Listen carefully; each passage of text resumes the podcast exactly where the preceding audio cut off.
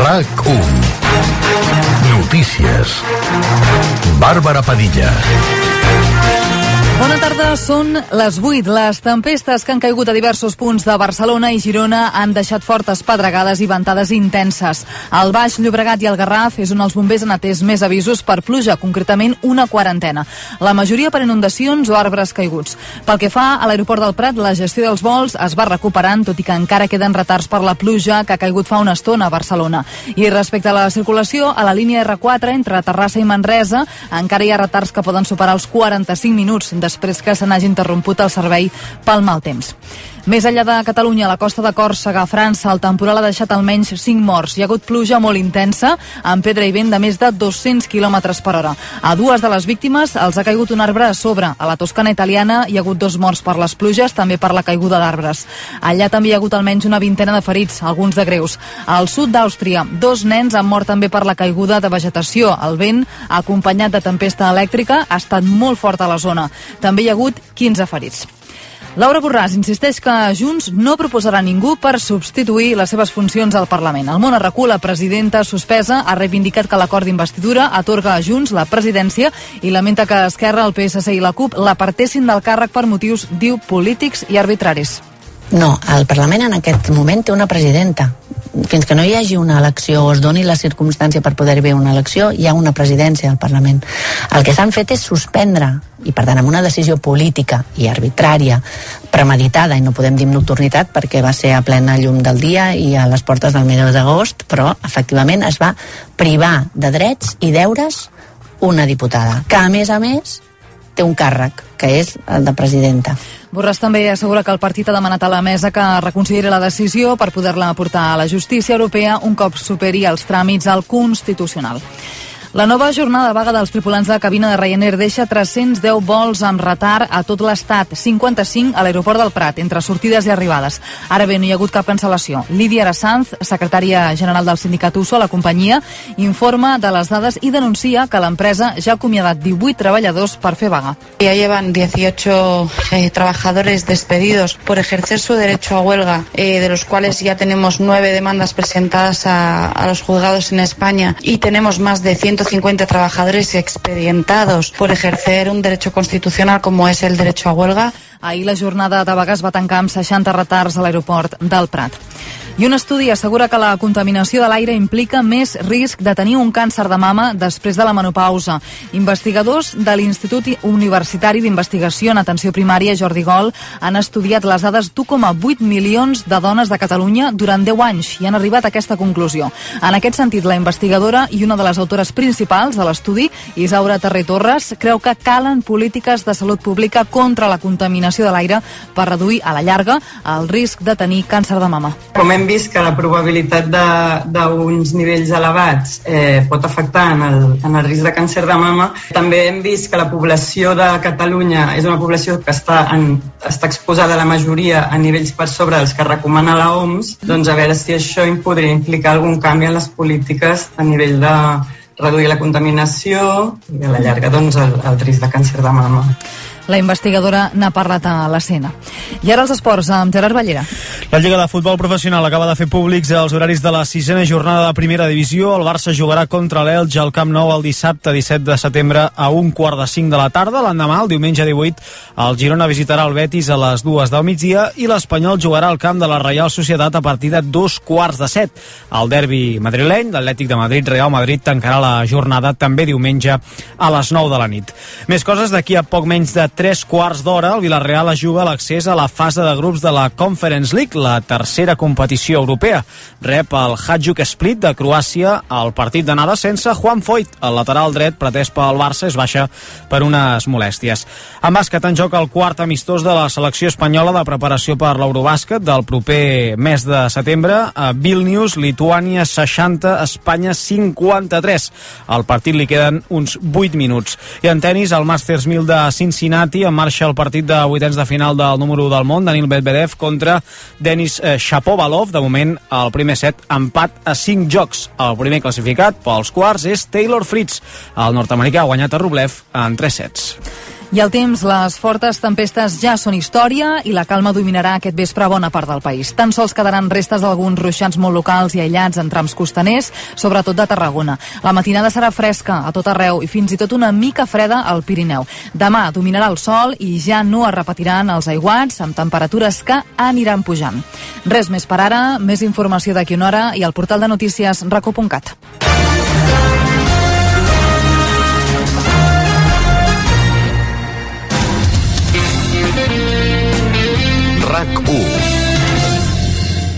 Rolex Daytona, Rolex Submariner, Rolex GMT, Rolex Explorer, Rolex Judgemaster. Rolex Day Date. A Criso, tots els Rolex són la joia de la corona.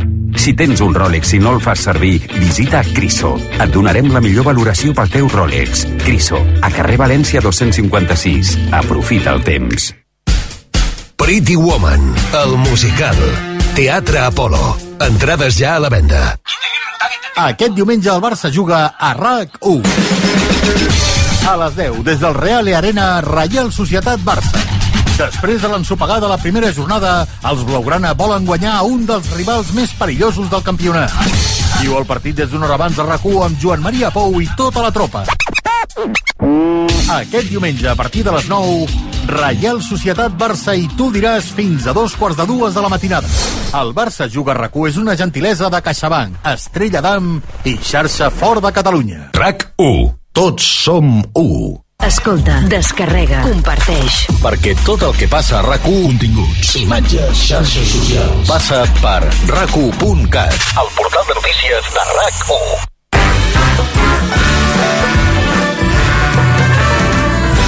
RAC1, Apartaments Hawaii, amb Marc Bala.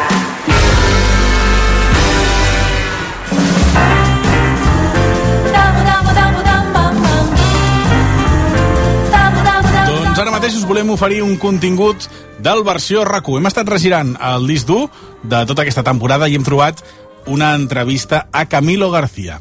Camilo García, potser no us soni el nom, però la seva veu l'heu escoltat i l'heu sentit milers de vegades. Ell és la veu d'un actor molt, molt conegut de Hollywood.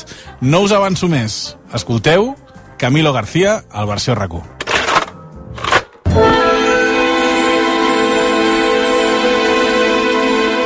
del censo intentó hacerme una encuesta.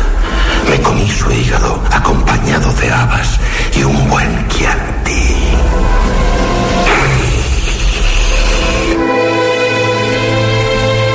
Recorda aquesta escena que acabem d'escoltar de El silencio de los corderos, protagonitzada per Anthony Hopkins i Judy Foster, que es va estrenar l'any 1991, re, fa 4 dies, concretament 31 anys. O aquesta veu a Succession. Empiezo a creer que hemos sido demasiado poco rigurosos mediáticamente con el presidente. Siempre que llamo contesta Michelin y me dice, paciencia, ya viene la caballería. Necesito ventaja. Són només dos dels milers de personatges de la història del cinema a qui ha posat veu al nostre convidat. Una veu que segur que molts heu reconegut i darrere de la qual hi ha un grandíssim actor que ha doblat milers i milers de pel·lícules i sèries. És un plaer saludar a aquesta hora de la tarda el Camilo García, ajustador, qüestió i subratllem ajustador important, director i actor de doblatge. Camilo García, bona tarda. Bona tarda, Toni. Repassarem part de la trajectòria amb Mònica Folquet. Mònica, bona tarda. Hola, bona tarda. Que està fascinada amb el Camilo, buscant pel·lícules. Volia posar, jo que sé, 34.000 documents. Dic, bueno, eh, calma, perquè si no... Té, té feina, té feina. No, no, té, té molta feina, ha tingut molta feina, però el Camilo García eh, feia teatre i, i d'alguna manera, per entrar en matèria, va, va entrar en el món del, del doblatge per casualitat. Mm, bueno, sí, més o menys. Més o menys, no? Sí, sí, sí. sí. Com, com va anar això? Mm, Què va passar? Vaig anar un dia, vam fer una prova petita i vaig pensar, mai a la vida podré fer aquesta feina perquè és molt difícil. Van, vaig entrar un, en una sala fosca amb, amb una pantalla i vaig veure com es feia això i la prova meva va ser horrorosa. Vaig dir, no, segueixo al teatre, que és el meu, i vaig, al teatre he fet coses molt importants i no tan importants, i, i però va, va arribar un moment que vaig dir, bueno, em dedico a això perquè això m'agrada i tinc que aprendre aquest ofici i el vaig aprendre i ja està, llavors he, he fet sobretot direccions i, i, i ajustos i, i, i, he, i he doblat moltes, moltes, moltes pel·lícules. Segons tinc entès, el Camilo García es va presentar a la, a la prova del personatge de Han Solo, de Star Wars, sí. eh, i, mm, tot i que no les tenia clares, no, no ho tenia clar, li van, eh, li van otorgar el paper de Harrison sí, Ford sí, sí. De, de qui diu que el van escollir ell perquè la seva veu és la que s'assemblava més a la de Harrison Ford en aquell moment. Que la fuerza te acompañe. Aquella pel·lícula, que pel que ha explicat eh, a la Mònica Folquet, era una pel·lícula una mica estranya, no l'enteníeu massa, no?, quan l'estava Era, era molt rara, sí, era una pel·lícula molt estranya. Era, era una pel·lícula nova, amb, amb personatges estranys, i, i eren les galàxies, però les galàxies estaven sempre... Eh, es veia com, com, com si fos una cosa molt... Bueno, havíem fet eh, cinema d'aquest distòpic, però això era nou, era totalment nou. Era com un western, un western en les galàxies. I, bueno, el, el personatge de, de, de, de Harrison Ford, de Han Solo, ell era un actor que havia, començat feia molt poc, sí. era molt nou, i també va buscar una veu nova. Per això l'any 76, jo, uh -huh. que feia mm, cosetes petites, em van dir, bé, tenim que buscar una veu, una veu nova, i em van agafar. Uh -huh. És curiós perquè ara quan tires enrere l'any 70, 70, 76, 76, clar, tires enrere és quan eh, anàvem al cinema a veure la Primera Guerra de les Galàxies sí. i, i clar, eh, et veiem i t'escoltàvem a tu. Sí, senyor. Que sí, és el, Han Solo d'aqu- d'aquella època. El Camilo García, doncs, Anthony Hopkins amb més de 50 pel·lícules, a Gerard Depardieu també en 50, a Jim Hammond amb 28, a Harrison Ford amb 22, a Tommy Lee Jones amb 23 i així un, en fi, un llarg etc. Um, en algunes ocasions aquí hi ha un, un trauma que es produeix sobretot els que consumim eh, cinema en doblatge que és quan es canvia l'actor de doblatge. Això, eh, com, com, com ho viviu des de, des de dins, no? Quan, quan hi ha un canvi de... Bé, a vegades bé, els- els- a vegades no també. Això és la productora que, que vol fer proves i càstings, i fa càstings a vegades, però t'agafen pensant, mira, aquest personatge segur que l'he fet jo, i quan faci el, el meu càsting diran que sí, que val la pena, i que, que el segueixo fent jo, però a vegades passa que no, que, que el, el senyor o la senyora que ve de Hollywood eh, encomanada diu, no, vull aquesta altra veu o a vegades el personatge no, no em va tan bé, no sé, són, coses, de- són coses que jo no puc dir ara, no, home, no, no em va agradar que havent fet el Han Solo després a l'Indiana Jones no ho vaig fer jo. I, Per això, per això ho dic, però clar, això, això pels, pels que som fans no només de l'actor, sinó de la veu, sí. del doblador, de l'actor, que el doble, que també després parlarem de, de que s'hauria de, de valorar d'alguna manera, per exemple, eh, els Premis Goya, per exemple, que es fa una feina en moltes ocasions de- d'actor i de doblatge.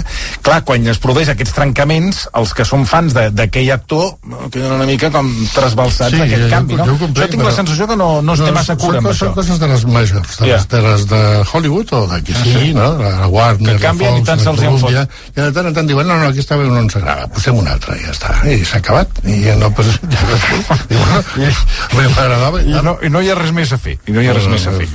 El, el Camilo García, com dèiem, és actor de doblatge, és ajustador, és director... Uh, Explica'ns una mica quina és la, o sigui, quina diferència entre director, ajustador, evidentment actor ho entenem, però quina és la feina? Quina, què diferència d'un director d'un ajustador? Bé, l'ajust es fa a casa, o eh, jo ho feia amb les movioles, amb la pel·lícula que muntava amb, amb, amb, un projector d'aquests antics, anaven a davant i a darrere, veia la- les frases de, de la pel·lícula, tenia una traducció feta per un traductor, però tenia que encaixar-ho en, en la boca dels personatges, encaixar-ho en la boca i amb els mateixos matisos. I això és el que, això és el que mm, tens que aprendre perquè després, quan entri a la sala, aquell, aquell ajust que tu has fet sigui una cosa fàcil per al, per al que està doblant. I, i, I, bueno, és difícil Que perquè... aquí hi ha una feina de, de, de, de passar el text a ajustar-lo, no? ajustar-lo, ajustar-lo per la, a la boca amb, amb el mateix ritme, al mateix temps de, de frase i buscant les labials. És una cosa que ara pràcticament no es busquen ni es troben. La labial era el que dona la impressió de que realment si agafes totes les Bs i les Vs i les Ms i les Ps vol dir que aquella boca possiblement està parlant en un altre idioma i, i tens les, la, la, la situació que penses que realment està, això no està doblat sinó que està dit en un altre idioma. I això era, era una feina molt maca i es feia molt de temps. Es feia a vegades eh, ajustar una bona pel·lícula estava en dos, tres setmanes ara, actualment eh, per desgràcia es fa de seguida i ja, es nota, francament es nota Però, perdoneu, per ajustar havíeu de canviar el, el text que us havien traduït? No, no, eh, ah. tenies que eh, reduir-ho una mica o posar-li més, més lletra, però dient el mateix. I aquesta és la feina força, forta del, del, ajustador. Una frase que, que en, en anglès eh, era molt ràpida i en espanyol, en castellà o en català és més, més llarga, tenies que reduir-la de tal manera que diguessis el mateix buscant sinònimes, sinònims o, o, o el que sigui, tra- traient una preposició, traient una, o, o canviant una cosa, buscant la labial, perquè jo tingués la mateixa mida. I això és l'ajust. No és fàcil, perquè No, no, tens que estar ficat en el món aquest, i la traducció a vegades és, és, és molt bona, però a, vegades és massa llarga o massa curta. Llavors tens que explicar el mateix que, que diu en, en anglès o, o en l'idioma que sigui, l'original, però eh, amb la mida exacta i, i que no sigui ni més llarga ni més curta. Podríem dir que hem passat de la feina artesanal a una feina més eh, de producció, sí. com ho diríem, sí, industrial. Sí, sí, no, està clar. Sí.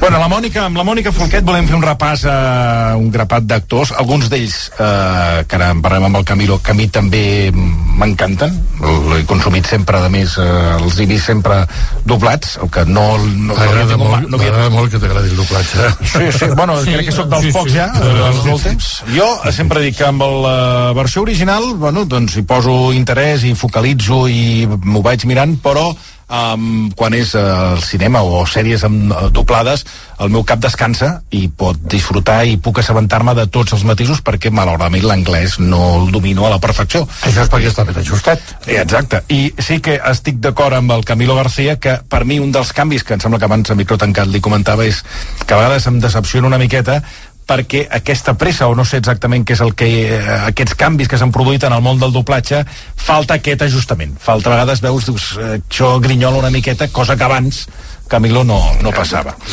A veure, Mònica, per on, per on comencem aquesta Aviam, excursió? A mi, si, si em permets, un, un momentet només abans, m'agradaria saber si el Camilo, eh, que fa més de 50 anys que es dedica a aquesta feina, ha fet alguna cosa especial, eh, tenint en compte que la veu és la seva principal eina de treball eh, si no ha fumat mai si s'ha cuidat especialment si ha fet alguna cosa eh, que també seria aplicable per la gent que fem ràdio. No, he fumat molt, molt, molt, molt però estocados eh, a punta pala i, però bueno, i realment la, veu ha canviat si sense el Hawkins de, de, de l'any 90 o el Han Solo dels anys 70 realment la veu ha canviat. Se m'ha fet més gran també soc molt, molt, més, molt més gran jo. Eh, però bueno el, el timbre em sembla que s'assembla. És, és, tinc ara molt, molt més eh, baixos o sigui la, la, la veu el, el sentit baix de la veu eh, la, la tinc per, per, perquè tinc més anys res més però no he fet res curiós ara, això sí, fa 20 anys vaig deixar de fumar i em sembla que això m'ha anat molt bé per la salut en general Val, em prenc nota. En fi, repassem, repassem aquests grans personatges, dèiem Anthony Hopkins, Jim Hackman, Gerard Depardieu, Nick Nolte... No acabaríem mai, però anem a pams. Sé que era usted una presa fácil para los chicos. Se dejaba sobar en los asientos traseros de los coches, soñando solo con escapar de allí, con ir a donde fuera. Fue como llegó hasta el FBI. El silencio de los corderos, que l'escoltàvem també abans, va ser la primera pel·lícula en què va doblar Hopkins i després en van venir moltes. Dràcula 92, Thor el 2011 o Lo que, lo que queda del dia, mm. on fa la majordom sí, al costat d'una Emma Thompson espectacular. Leo estos libros. Cualquier libro. Para desarrollar mi dominio y conocimiento del idioma. Leo ampliar mi educación, señorita Kenton. Debo pedirle, por favor, que no perturbe los pocos momentos que tengo para mí mismo. Hopkins és l'actor que li ha agradat més doblar? Sí, és un d'ells. Ara jo, jo tinc el meu preferit, que és Jane Hackman. Ho dic sempre, perquè em sembla que és per mi el lector que, que actua com jo actua, actuaria si, si pogués fer cinema o teatre. Això seria el Hackman, però Hackman, català. Bueno, m'agradaria, ojalà, no? Que, Bueno. bueno. eh, sí, sí, però ja veus que la veu m'ha anat canviant una mica. Però aquest personatge del majordom a mi em va agradar molt fer-ho perquè canviava totalment la interpretació de, de Hawkins, de, de fer un, un assassí caníbal i un personatge molt... Aquí era un, un senyor que pràcticament no parlava, al, sempre estava al costat del... Sí senyor, sí senyor, tot, tot, tot era, mm, era un personatge contingut al màxim i eh, per mi és de les millors interpretacions seves inclo incloent el, el, el silencio dels corderos I una de les últimes també de Hopkins. Ahora está viviendo con su hija, ¿es correcto? Sí, hasta que vaya a vivir a París. Papá, ¿por qué sigues con lo de París? Sí, me lo dijiste. No lo hice. Perdona, me lo dijiste el otro día. ¿Lo has olvidado? Lo he olvidado.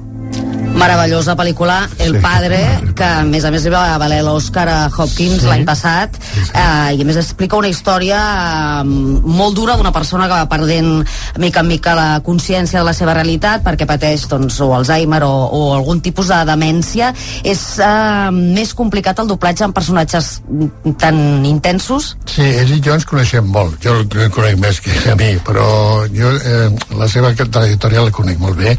Sé molt bé quan vol una cosa, quan amb una mirada m'està dient el que vol i jo procuro servir-lo senzillament, eh, però clar, servir un, un actoràs d'aquest tipus és impressionant, no?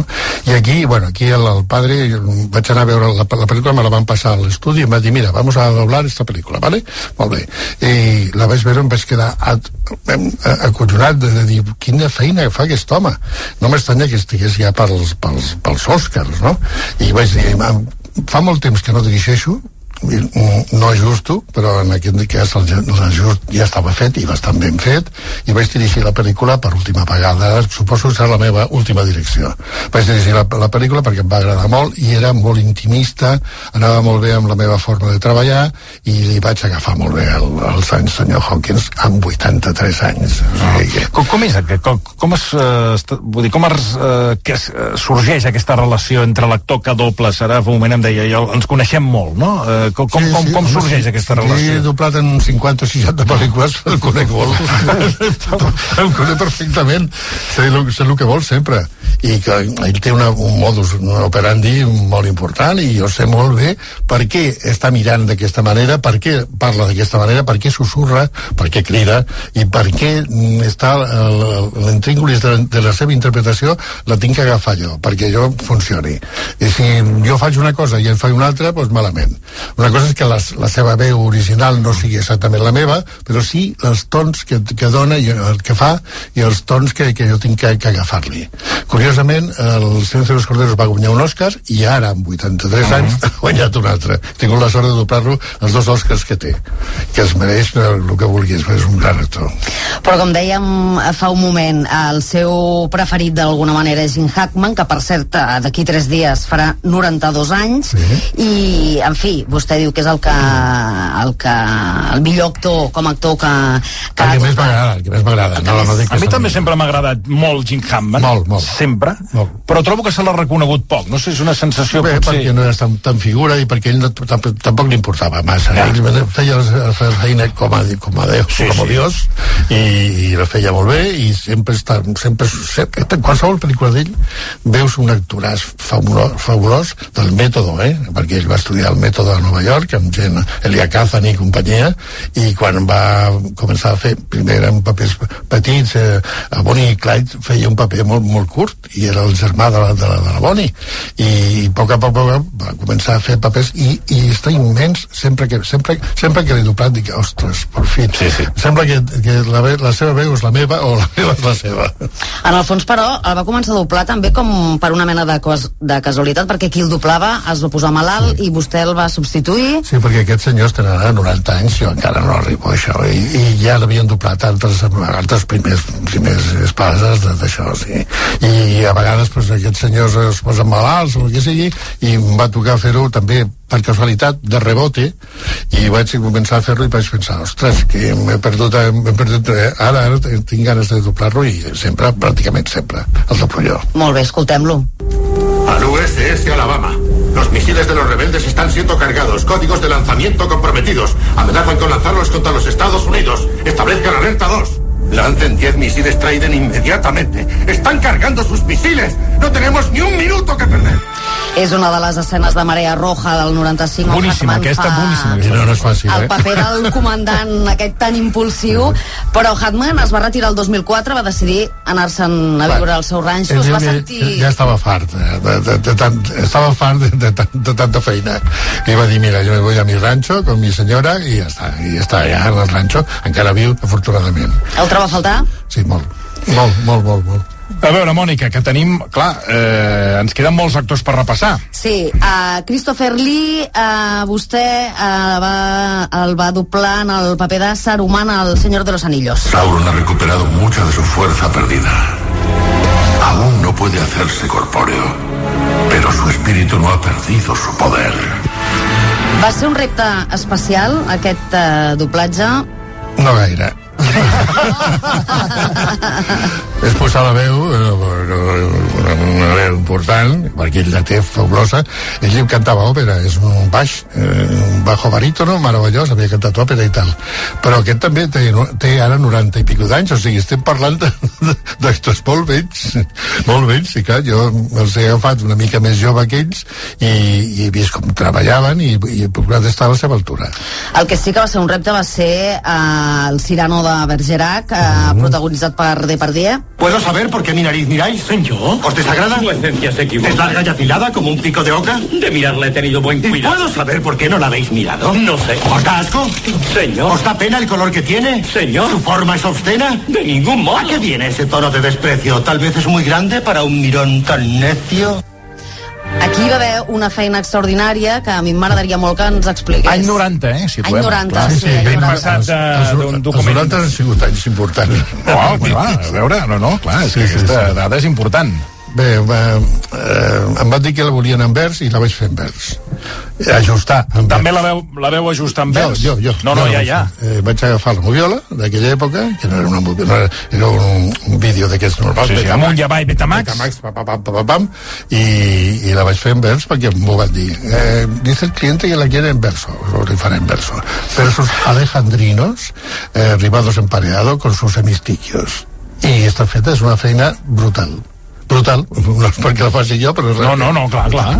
inclús ha fet una tesi eh, una, una noia que va, va tornar boja per, per, va, va comunicar i a la, a la Universitat de, de Burgos i, i es, no, no, perdó, de Valladolid i, i a Sòria eh, hi ha una tesi publicada sobre el doblatge d'una pel·lícula és la primera vegada que em sembla que és una tesi que és doctora, sí, sí. noia, doctora, perquè es va tornar boja. Eh? Va pensar com pot ser que, que, un senyor faci aquest, uh, un, un tirano nou, absolutament nou, no tenia res que veure, i això que vaig, vaig agafar totes les traduccions en italià, uh, una catalana molt bona, i, i va fer flotats, és a dir, vaig agafar tot, tot això, va servir per fer una, un nou sireno uh, ajustada a la boca i amb, amb pareados versos alejandrinos i vaig estar tres mesos per, per ajustar Uh, no ens podem deixar una escena que els que ja tenim una edat crec que no oblidarem mai. Nosotros usamos palabras como honor, código, lealtad.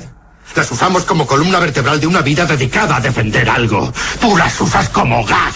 Y no tengo ni el tiempo, ni las más mínimas ganas de explicarme ante un hombre que se levanta y se acuesta bajo la manta de la libertad que yo le proporciono y después cuestiona el modo en que la proporciono. Preferiría que solo dijeras gracias y siguieras tu camino. De lo contrario, te sugiero que cojas un arma y defiendas un puesto. De todos modos, ¿le importa un carajo a qué creas tú que tienes derecho? ¿Garganta? ¡Porque no el código rojo! ¡Por supuesto que lo hice, joder! Algunos hombres buenos, protagonitzada per Jack Nicholson i Tom Cruise al 1992. Nicholson és un actor amb molts registres, conegut eh, per interpretacions eh, fosques eh, de personatges una mica neuròtics. Recorda el, aquest doblatge, concretament? clar que el recordo Tot aquest, tot aquest take que hem sentit és encara. tot seguit? O no, està, o... aquí em sembla que hi ha Perquè, clar, uns per- per- cinc, per- cinc, cinc o sis takes que, Clar, però com recuperes, si estàs en un crescendo com hem sentit, com tornes a reenganxar-te? Sento el que he gravat abans i, i continuo. En aquells moments es feia amb els 35 mil·límetres, no, no teníem vídeo. En aquells moments, bueno, suposo que en aquests anys es feia amb la pel·lícula tallada, la pel·lícula tallada amb una cua. I començava el take i pa, pa, pa, pa, pam, i si, si, si valia, valia, i si no valia, els repeties. I així contínuament. I aquí em sembla que són 5 o 6 takes seguits. I per això també és un rebote, perquè aquest eh, actor el doblava sempre un grandíssim, grandíssim, grandíssim actor de doblatge, Rogelio Hernández. Sí. Meravellós. I, i li, anava molt bé amb ell, però en aquell moment estava malalt. I vaig dir, bueno, mm, pues, mm, a veure, farem proves. I vaig provar jo, jo mateix, a mi, a mi mateix, vaig dir, mira, mm, la faré, el faré jo. Ara que mencionaves el Rogelio, recordo, se'n recorda, senyor Marcelí, que va, va, va venir a Catalunya Ràdio sí, i vam sí. disfrutar, que em vaig passar la, tota l'entrevista, com ara estic fent amb el Camilo, amb els auriculars, escoltant, i dius, escolti, que estic parlant amb, amb Robert Redford, estic parlant amb Jack Nicholson, estic parlant una mica avui és el que em passa, no?, que estàs escoltant. També vaig dir que no el doblaria mai més, perquè és molt, molt difícil, Nicholson. I no va amb, amb, amb la meva forma de treballar. Ja a mi m'agrada més reposat tot, ben, ben, ben, encara que tingui que parlar de pressa, perquè això està eh, rapidíssim, rapidíssim, era una boca... Pa, pa, pa, pa, pa, pa, pa, pa. Encara que, que, que sigui això, mm, penso que no és un actor que em va massa bé. Ara, en aquest paper pues, tenia que fer-ho bé, evidentment. Doncs amb la, de- amb la, de, amb la de grapat d'actors que, sí. que, que ha fet, un no va bé? Eh, però, No, no, bueno, També m'agrada és més Jim- és- Hackman. No, no, això m'ha quedat clar que... Això, això ho vaig fer perquè ell no podia i perquè, bueno, vaig, vaig ser Va el, sortir l'urgència. el, el substitut. Estava al, al, al banquillo i vaig sortir, vaig sortir a jugar. Uh, el Camilo també uh, va doblar Richard Crenna fent de coronel Tratman a, atenció, Rambo 3. Nosotros no te convertimos en una máquina de guerra. Nos limitamos a pulir las impurezas. Tú siempre estarás en lucha contigo mismo hasta que aceptes lo que eres. Hasta que completes tu círculo. Bien, tengo que entrar en acción. Prométeme que irás a verme cuando regreses a los Estados Unidos. Prometido. Coronel. Lo comprendo. Això del coronel eh, Tratman eh, porta cua perquè a partir d'aquí, bueno, de, de, de, de paròdies d'aquestes, no sé si el Camilo n'ha sentit un... Imagino que sí, moltes. Aquí al, al programa tenim eh, el nostre Rambo, no? Ah, tenia un Rambo. Dios mío, es horroroso. Después de tanto tiempo me reencuentro con el coronel Truman. Dios mío, quiero intervenir como sea. ¿Cuánto tiempo llamándote por el walkie-talkie? Nunca me respondes, maldito coronel, Dios mío. Ahora que nos hemos encontrado, tenemos que volver a trabajar juntos. ¿Quiere venir conmigo a Rusia o a Ucrania? Voy a estar a sus órdenes sin rechistar, Dios mío. No va a quedar ni un Charlie, Mambo, Dios mambo, mío. cálmate. Cuando- para sobrevivir a la guerra nos vamos a convertir en guerra. Sí, sí, ens ho, ens ho dius cada tarda. Cada tarda. S'ha creat com un personatge, Rambo. Bueno, està bé, home. És una mica belicós, no? Li agrada la, la guerra. Sí, Pues ara, ara té un- una oportunitat fabulosa. Anem a Ucrània. Vamos a Ucrània. Dios mío, cuando usted quiera. ¿A Dios matar mío. comunistas? Estoy preparado. Vamos para allá. Vamos muchacho. para allá, Dios mío, tengo todas las armas a punto. Venga, vamos. Afila bien tu arma. Dios mío, no va a quedar ni uno. A sus órdenes, coronel. Bé, passem de la guerra a, a una de les pel·lícules favorites també d'aquest programa, que és Aterriza como puedas. Sí, que va doblar a Robert Stack fent de capità Kramer a, en aquesta pel·li, Aterriza como puedas, sí. Amb la Mònica Folquet hem parlat de, hem parlat de pel·lícules, però clar, de, de, de cop i volta en el, en el vostre sector, en el vostre món, han, ha arribat eh, la llau de les sèries, no? Com, com ha canviat això la professió? Com, com, eh, pel que fa a la, al que és doblatges? Perquè clar, n'hi ha tantes de sèries i totes sí. estan doblades.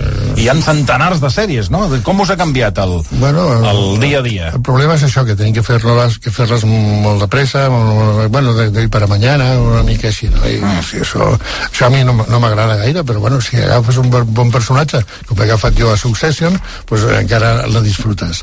Però realment ni l'ajust, ni la direcció, ni tot això, això ha canviat totalment, ja és una altra història. Ara l'escoltarem al, al Brian Cox, que és el protagonista de Succession amb la versió, amb tal com parla ell, mm. i després l'escoltarem, Ah, eh, en aquest cas, amb la veu del Camilo. Marcy, What? I'm heading out. As ordered. Great. Tell one. Fine. But in here, yeah. I don't want a fucking heart attack from the surprise, and I don't want anyone in my face when I come out of the elevator. Right? Distance. Have them here. Marci! ¿Qué? Me largo. Como me has pedido. Perfecto. A la una. Bien, pero que sea aquí, ¿eh? No quiero que me dé un puto infarto de la sorpresa y no quiero encontrármelos a todos de cara al salir del ascensor. Distancia. Que estén aquí. Permetem, Camilo, dir-te que jo aquesta sèrie la disfruto molt, però la disfruto amb tu. Això és un piropo, és un piropo. No, ja sé que no es porta, sí, sí, no es porta i ara tothom està, la, la inèrcia és una altra, però jo la, la realment la És una- disfruto. és una amb els que feu bé la feina... És una qüestió de diferència de veu. Uh, a l'anglès normalment està, el ressonador el tenen al nas. Al nas i, la, i al front. Eh, és que home, una mica així. Tots, eh? Encara que estiguin veus greus, també. I és una cosa molt normal. I, eh, i, en canvi nosaltres tenim els ressonadors a la, a la gola, a baix, una mica. Saps què vull dir? I llavors... Eh, el personatge ens, ens reclama aquest tipus de veu eh, quan el dobles eh, realment la seva és la, la bona la, la interessant, la que agrada a, tu- a, als, als, als, als que agrada els idiomes que coneixen l'anglès eh, sí. però jo faig una versió i aquesta versió que, que no traeix absolutament la seva interpretació eh, i, i em penso que, que li dono al, a la mateixa cara li dono més força sí, penso que és això, eh? No, no, li dones una, una, una força que, que et vaig trobar a faltar, curiosament, potser perquè estic acostumat al, al doblatge del Camilo, vaig trobar faltant l'actor, vull dir, aquestes coses que, que, un, que un reflexiona. No, però és un personatge molt maco. No, no, és, eh, i a més és un actor secundari, com t'he dit, perquè vaig llegir una, un reportatge que li van fer sí. i que ara està en el seu moment més, Clar, més àlgid, ara, que li ha arribat a la seva edat. 76 anys, ha agafat ara el moment. "Anda, Sí, mira sí, que bé". sí, no, no, és que és així. Ara que s'acosten els Premis Goya, el, els actors, actors i actrius, subratllo, de doblatge extraordinaris, sempre heu estat al darrere. És perquè heu volgut o perquè no us ho han reconegut? No ens han reconegut. Per, per molta gent de la indústria del cinema som bastardos. Eh, eh, tú estás robando las voces de los originales. Tú estás eh, falsificándolo todo. Eres malo, eres mala persona. I clar, mm, dius, bueno, pues no sé, és una feina molt maca que serveix per molta gent i perquè I tant. que els agradi o no s'agradi, però clar, els Goya mai, a l'acadèmia mai he entrat, mai hem entrat. Hi havia una acadèmia aquí també catalana. Sí, la Gaudí, sí. I la senyora que és la presidenta diu Sí, que... us va deixar no, de volta que odia tremendamente el doblaje. Bueno, el doblaje ha donat molta feina a molts sectors que, fe, que fem teatre, o fèiem teatre i fèiem televisió. Molts dels primers actors de televisió i que fan teatre són grans dobladors, grans actors de doblatge. Però, bueno, es veu que no, no, no serveix això. Només, eh, només eh, bueno, coses de... I això fa molts anys ja, fa molts anys. I clar, tot, tothom diu, per què no entreu als Goya? A mi m'agradaria entrar als Goya. I, I, que de tant en tant, cada any, diguéssim, mira, un gran doblador com era Rogelio, com era Felipe Peña, com era José Luis Salvador, com era Rafael Luis Calvo, com era Valdivieso, grandíssims actors tenien que, que una, una vegada a l'any posar-li un, un Goya a la mà. No? I bueno, no, no, no ha sortit mai perquè ens tenen oblidats. Ara, jo tinc la sort de que fa poc, el mes passat, em van donar un premi a ISG. Em van donar el millor actor de, de veu de l'any i em va agradar molt perquè són els únics que recorden una mica a ISG, bueno, des que la senyora Bardem es va ficar allà dins i tot això, ara està l'Emili Gutiérrez Cava, que és un noi meravellós en tot sentit, van dir, "Bé, eh, aquest any li donem el, el premi al mejor actor a Camilo. I l'any passat va ser Ricard Solans i, i Maria Luisa Solà i grans, grans veus, grans, grans noms d'això. Bueno, grans actors. Grans actors, exactament. I jo penso que el Goya, com a indústria, tindria que recolzar-la una mica, no? És una indústria que dona molta feina a molts actors. Uh -huh. I suposo que nova temporada de Succession, perquè ara... Sí, jo cada- penso que, home, penso que, que sí, ja, estan, ja, ja han començat a rodar la quarta Va, jo t'estic esperant que tornis. Bueno, pues vale. Suposo que us deuen fer firmar algun paper de confidencialitat, és a dir, no et puc preguntar res. Tots els papers del món. perquè no som ningú, però, però contem, contem. No, és que aquesta veu potser pot dir que volen cobrar royalties o volen no sé què, no, no, fem un paper que no, el que ens paguen ja està, i s'ha acabat. Després tenim a ISGE, que ens dona una, sí. una petita història, i, i la, la societat d'autors, tot, eh, eh, bueno, això ja està bé. Però no pots reclamar a cap de les majors grans res, perquè amb el que paguen que és molt poc, per cert, eh, ja tens prou. Però confiden- confidencialitat, sobretot amb Disney, que són, uns, que són bueno, una gent rara, eh, sí, sí, eh, et fan signar 50.000 coses. Sí. Coses de la vida, no? Camilo García, moltes gràcies, Moltes gràcies, per haver-nos acompanyat. Ha estat un plaer, de veritat.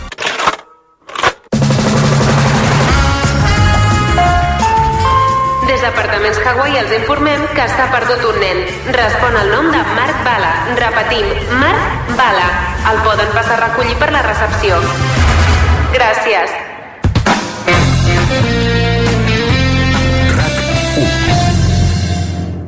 El general Aníbal va creuar els Alps en elefant. Amb l'assegurança de moto de línia directa des de només 73 euros, amb assistència en viatge des del quilòmetre zero i cobertura d'equipament tècnic, els hauria creuat en moto. Porta la teva assegurança de moto a línia directa. No sabràs si tens el millor preu fins que vinguis directament a líniadirecta.com o truquis al 917 700 700. El valor de ser directe. Consulta les condicions. Toda la liga, toda la Champions, todo el fútbol. Si para Diego lo primero es el fútbol, para nosotros también. Ahora con Love de Orange todo un universo de entretenimiento con todo el fútbol. Y para ti, ¿qué es lo primero? Llama al 1414 y consulta condiciones. Orange. Cap de setmana memorable? Pren Energisil Vigor. Energisil, amb maca i ginseng, ajuda a mantenir bones relacions sexuals. I ara també Energisil Instant, de Pharma OTC.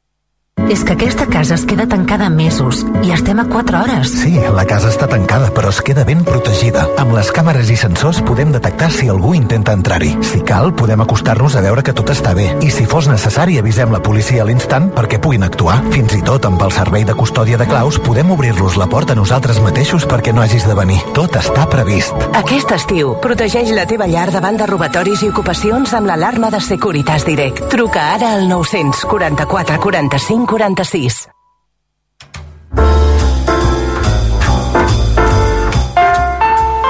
Tot seguit, el film musical d'Apartaments Hawaii els oferirà un dels millors moments de la temporada de rac Esperem que gaudeixin de l'estada.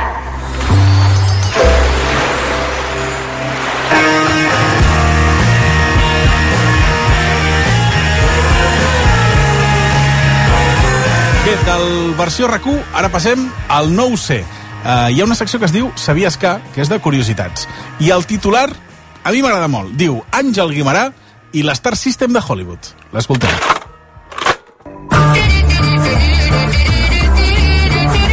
Sabies que...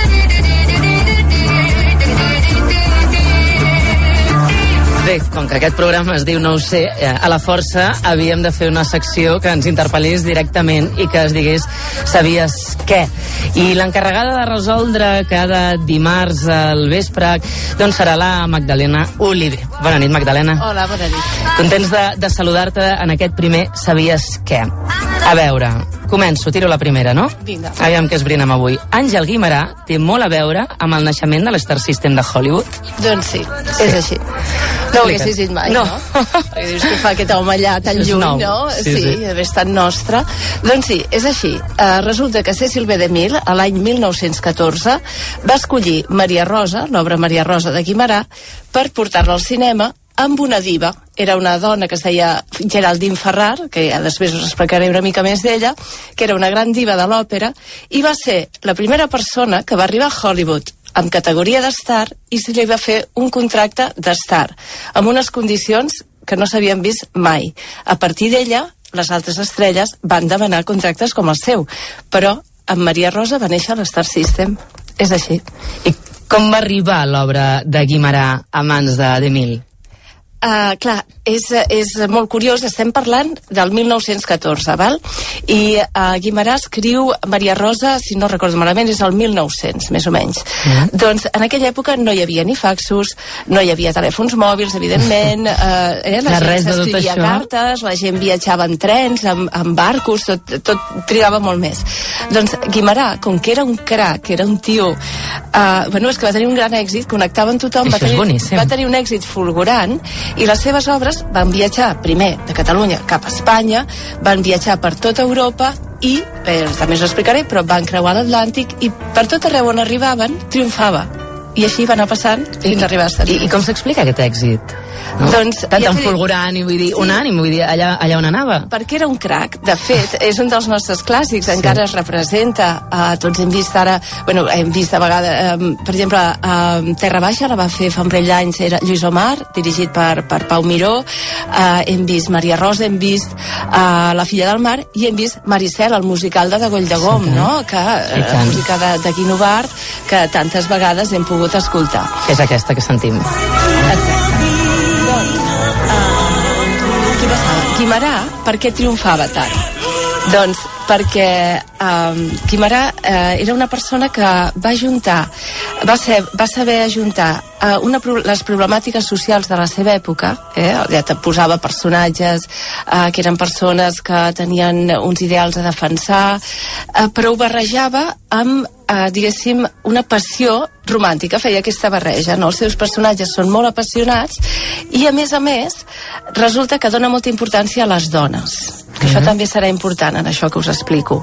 Perquè va connectar amb una sensibilitat femenina que en aquell moment estem parlant d'un canvi de, sec de segle comença a haver-hi les primeres uh, feministes uh, als Estats Units també les dones que demanen el vot eh, les sufragistes sí. hi ha companyies de dones i aquestes dones eh, ja volen expressar els seus sentiments d'una altra manera i Guimarà amb això va connectar perfectament O sigui, i va saber trobar un equilibri que gairebé va ser mm, mm, universal, és a dir, es, el van comprar... Era universal, tu ho has dit, és que per tot arreu on anava hi havia aquestes coses, ja et dic, també era un, una època en què hi havia una lluita de classes, no? Uh -huh. uh, hi havia més classe obrera, i ell això ho va captar perfectament.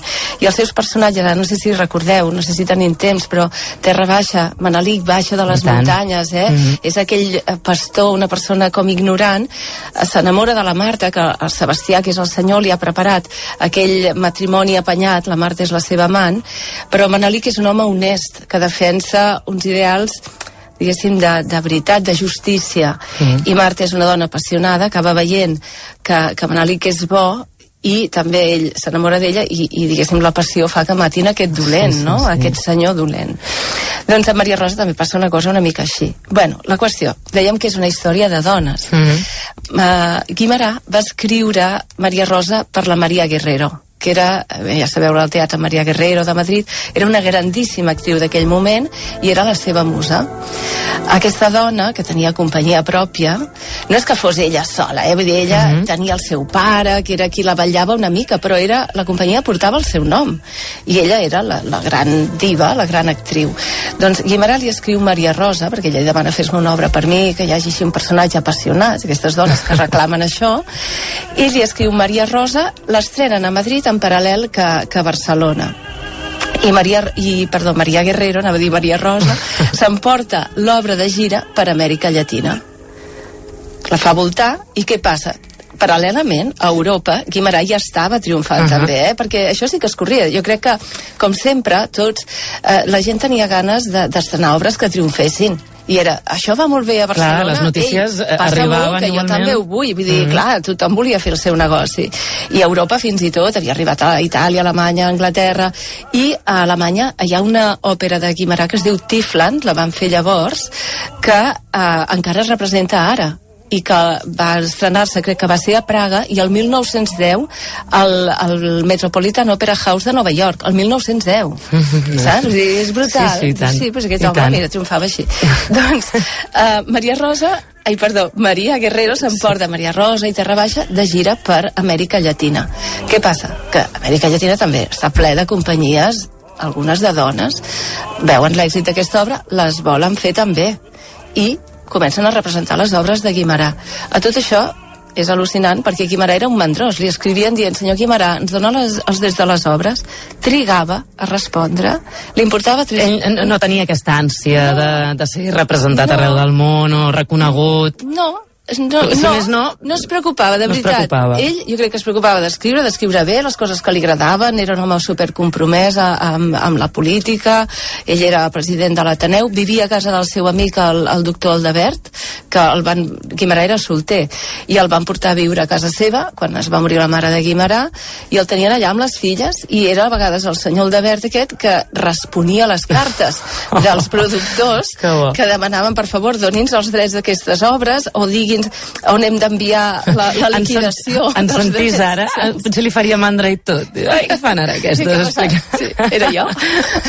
Suposo que ell ho sabia, evidentment que ho sabia, tenia notícia, però diguéssim que no se'n preocupava Mhm. massa.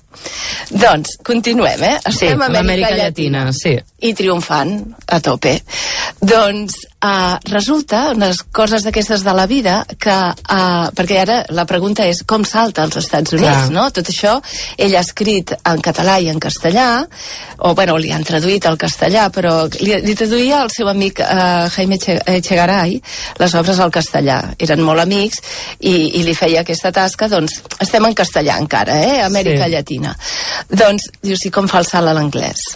Doncs resulta que a la ciutat de Galveston, al- a l'any 1900, hi ha un huracà devastador. La tragèdia natural més bèstia que s'ha produït als Estats Units van morir, crec que són 9.000 persones. I hi va haver 12.000 víctimes. Això no s'ha superat mai, vull dir, va ser Mhm. també una cosa d'aquestes Sí, sí. tremendes. I uh, la gent de Mèxic, i ara seria al revés, però la gent de Mèxic va fer una gala benèfica per ajudar aquests damnificats de- d'aquesta ciutat de Texas, de prop de Texas. Es va representar uh, Terra Baixa. I a, ara passem ja als Estats, Estats Units, eh? a explicar. Sí, sí. Estats Units era un país en construcció. Uh, era un país que naixia, tothom volia doncs, també tenir la seva parcel·la de negoci i s'estava creant el Broadway, eh, la Mhm. indústria te tre teatral de Broadway. Hi havia uns productors que sabien espanyol, perquè l'origen d'un d'ells no sé si era d'un país que parlava en espanyol, que es va assabentar que hi havia una obra d'un autor català o espanyol, devien dir, que era Àngel Guimarà, que triomfava moltíssim. I va dir, ostres, jo vaig allà, perquè a més jo ho entendré això, perquè ell parlava espanyol, a veure si és tal, si, si val la pena. Bueno, van tornar enamorats i ràpidament aquest home va escriure a Guimarà, per favor, senyor Guimarà, doni'ns el dret de, de les seves obres i, eh, per favor, ens les deixi traduir a l'anglès. Es veu que Guimarà va trigar a contestar. Va haver de rebre unes quantes És una història cartes. boníssima. Sí, sí, sí. Doncs aquests se'n van a Broadway, finalment aconsegueixen els drets de Maria Rosa, de Terra Baixa, d'altres obres, no? I eh, les comencen a oferir a companyies que t'he de dir que també tornem a la història de les dones. Hi havia companyies de dones importantíssimes en aquell moment. Hi havia una tal Berta Càlic, una senyora que es deia Mrs. Fisk, que amb el seu marit tenien un teatre propi, tenien fins i tot una revista de teatre, eh, bueno, ella dirigia, vull dir, dones molt emprenedores, sí, eh? Tot i això, molt- imagino que és el, el, on comença a cobre's Sí, sí, sí, aquest sí, sí. Broadway. Sí, sí, sí. Broadway. A mi Sí, també sí, m'ha estem- passat, eh? Estem doncs, aquestes dones, eh, els, produ- els, aquests productors els hi ensenyen, els hi ensenyen les obres, mm. elles se n'enamoren i diuen sí, sí, sí, i tant, i tant, jo volem fer aquestes obres. I les comencen a portar de gira per tots els Estats Units per tots els Estats Units. Però no es quedaven només a Nova York. Anaven, però de veritat, eh, d'est a oest. Brutal. I, I, I sumen èxits, per entendre'ns, eh? a tot arreu on va. Tot aquest material, ara jo sembla aquí que vingui il·luminada, no. Això eh, ho ha investigat una altra dona, eh, que es diu Sharon Feldman, ella és professora de la Universitat de Richmond, és experta, ella és hispanista i és experta en teatre català. Ella va començar a seguir aquest fil perquè sabia que, que Guimarà havia estrenat als Estats Units, però no es podia imaginar tot això. Va començar a estirar el fil i ha trobat primer a la Biblioteca Nacional de Catalunya, després també a biblioteques i hemeroteques dels Estats Units, ha fet tot el seguiment de les cartes, la correspondència, les crítiques, el, els drets d'autor, les liquidacions, saps, que li pagaven Sí. a Guimarà, eh, la taquilla de tots els teatres on va estrenar, i ha trobat cròniques, coses com, per exemple, que un dia a Salt Lake City hi havia una tormenta impressionant, tornem amb Mm, allò de, dels sí. desastres naturals, eh? una nevada brutal, i mil persones van sortir de casa seva per anar a veure Terra Baixa. I això sortia als diaris. Deia, mil persones van desafiar el fred i el mal temps per anar a veure l'obra magnífica d'aquest autor, Àngel Guimarà. Eh, T'ho juro. No se sap gaire, no, aquesta història gaire, de... Per això, per això l'hem posat aquí, el sabies que... No? D'un dels uh, Sí, universals de, de s'ha de les lletres catalanes, home, i tant. Ho hem de saber. És molt bona, aquesta història. Doncs, i ara estem triomfant en el teatre brutal, no? Dius, com arriba Cecil, uh, Cecil B. DeMille i com Mm. arriba a Hollywood? Cecil B. DeMille era un home que venia del teatre. Ell era de, de Massachusetts, si no vaig... A, bueno, de Boston, crec. Ah, no sé, molt bé. Bueno, sí, de la costa est. I la seva mare tenia una companyia de teatre. El seu pare era un pastor d'una església protestant i la mare tenia companyia de teatre. I ella amb el germà de petit doncs, ja van començar a fer teatre, dirigien, escrivien, feien guions. Què passa? Que arriba el cinematògraf als Estats Units. Fa el salt ràpidament també, que sembla allò que en aquella època les coses no corrien i corrien. Mm -hmm. Arriba el cinematògraf als Estats Units i tothom té moltes ganes d'explotar aquest nou, aquest nou mitjà d'entreteniment. De, de, sí. El cine va triomfar molt ràpid, perquè als Estats Units estava format de gent que venia de tot arreu i molts encara no parlaven l'anglès, parlaven uh -huh. l'idioma original d'allà on venien. El cine era mut, i, clar, doncs la gent entenia les coses clar. i era fantàstic i van veure negoci, allò que dèiem país en construcció, tothom vol fer negoci sí. volien a explotar el cinematògraf. Però què passa? Que una gent molt llesta, de la costa est, arriba al cinematògraf i fan unes lleis i es queden els drets d'explotació d'això. Mm -hmm. I uns altres també molt llestos, que són el DeMille, eh, el Goldwyn, que es primer es deia Goldfish, però va ser Goldwyn, el, bueno, uns quants més, el Lasky... Tota aquesta gent eh, diuen, escolta, anem a un lloc on puguem explotar això tranquil·lament i on van? A la costa oest perquè ja no hi, ha, la, no hi ha legislació feta al respecte i ho poden explotar. Què trien? Un poblet tranquil que té molt bon clima perquè també així poden eh, rodar exteriors i tot l'any bona claror, bueno, bon, més tal. temps exacte, s'instal·len a Hollywood que era un poblet superpetit i allà ràpidament proliferen les productores cinematogràfiques. Es fan pel·lículetes curtetes, que la gent entengui ràpid, hi ha unes noies molt mones que, fan, eh, que són les protes i, i tal, mm. però són gent desconeguda. I de mil, que era un tio que després va fer aquelles grans pel·lícules, Diez Mandamientos i tot allò, mm. té com una manera de pensar a lo grande, no? És com de superespectacle. I pensa, jo no vull fer pel·lícules curtes, vull fer una pel·lícula llarga. I jo vull que el cine sigui algo més que aquestes historietes, jo vull algú de pes. I primer diu que vol fer Carmen, la Carmen mm -hmm. de Bizet uh, es fixa en el món de l'òpera, vol passar l'òpera al cinema d'alguna manera. I diu, jo no vull aquestes noies que no coneix ningú, jo me n'aniré a buscar la mega diva del moment, Geraldine Ferrar, mm -hmm.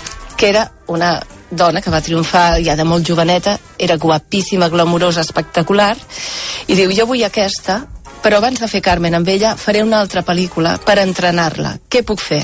Com ah. que ve del món del teatre, el seu germà ha vist Maria Rosa a Broadway i diu, ja tenim l'obra, has de fer aquesta obra perquè és fantàstica i tal. L'edat en el cinema, li posen un final Made in Hollywood i fan aquest contracte per la Geraldine Ferrar que li paguen un sou estratosfèric, arriba amb un tren a Hollywood que li posen un vagó per ella que es diu The Super la reben l'alcalde, 500 nens que li tiren pedres de flors, li regalen taronges de Califòrnia, li construeixen un bungalow, li posen cotxes, tot. A partir d'aquí, clar, les altres que van anar medrant, diguéssim, hi havia la Mary Pickford i tal, van dir, jo vull un contracte d'aquests, va néixer l'Star System. I així és com Àngel Guimarat i tant a veure amb l'inici de l'Star System de, de Hollywood. Exacte. Magdalena, una història apassionant. Gràcies, Magdalena. A vosaltres. Interrompem la programació per recordar-los que es posin a fer-se al clatell. És un consell d'Apartaments Hawaii. Cada tarda de 7 a 9 amb Marc Bala.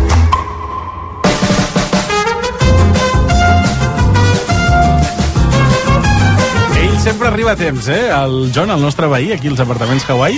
Veí i amic. Veí i amic, efectivament. John, què tal? Good, good evening. Good, good evening. How are you? I'm fine. I'm improving my English. Ah, and uh, el meu català.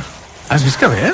Que bé, que bé. Escolteu, ja que sempre arriba a l'hora de posar una cançó, us sembla si avui la, la triu jo? Home, sisplau. Va, doncs... Mm, crec que m'agradaria acabar amb la teva realitat d'Intana.